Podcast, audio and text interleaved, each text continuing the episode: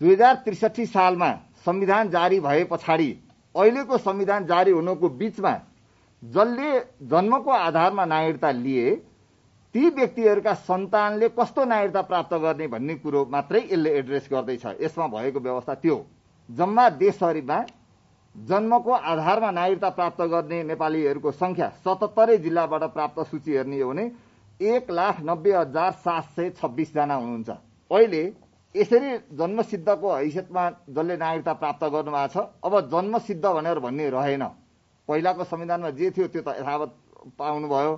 अब उहाँहरूको सन्तानको विषय अब किन क्लियर गर्नु पर्यो त भन्दाखेरि पहिला चाहिँ जन्मसिद्धका सन्तानहरू अङ्गीकृतका सन्तानहरू वंशजका सन्तान अङ्गीकृतका सन्तानले चाहिँ पाउने स्थिति भयो वंशजको आधारमा।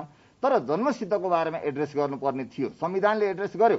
तर अध्यादेशमा आएन के अरे ऐन बनेन। त्यस कारणले गर्दाखेरि यो ल्याउनु पर्ने अवस्था सिर्जना भएको हो।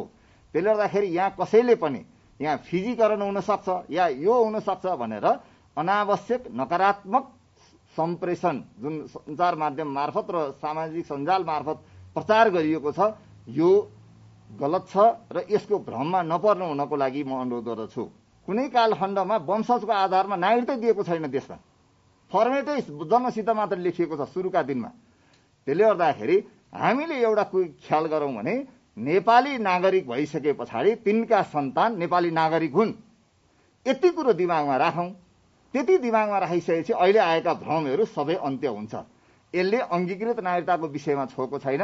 वैवाहिक अङ्गीकृतको विषयमा संसदमा नै विवाद भएको हुनाले हामीले यसमा छुन चाहेनौँ। र सम्मानित सर्वोच्च अदालतले आदेश दिँदाखेरि वैवाहिक अङ्गीकृतको आधारमा भन्ने विषयमा अदालतले आदेश दिएको छैन। त्यसले जुन विषयमा अदालतको आदेश भएको हो त्यो विषय कार्यान्वयनभित्र रहेर त्यसको सीमितताभित्र रहेर मात्रै यो अध्यादेश जारी गरिएको छ। त्यसले गर्दाखेरि यो संविधानमा भएको व्यवस्था भन्दा दायाँ बायाँ गएको छैन।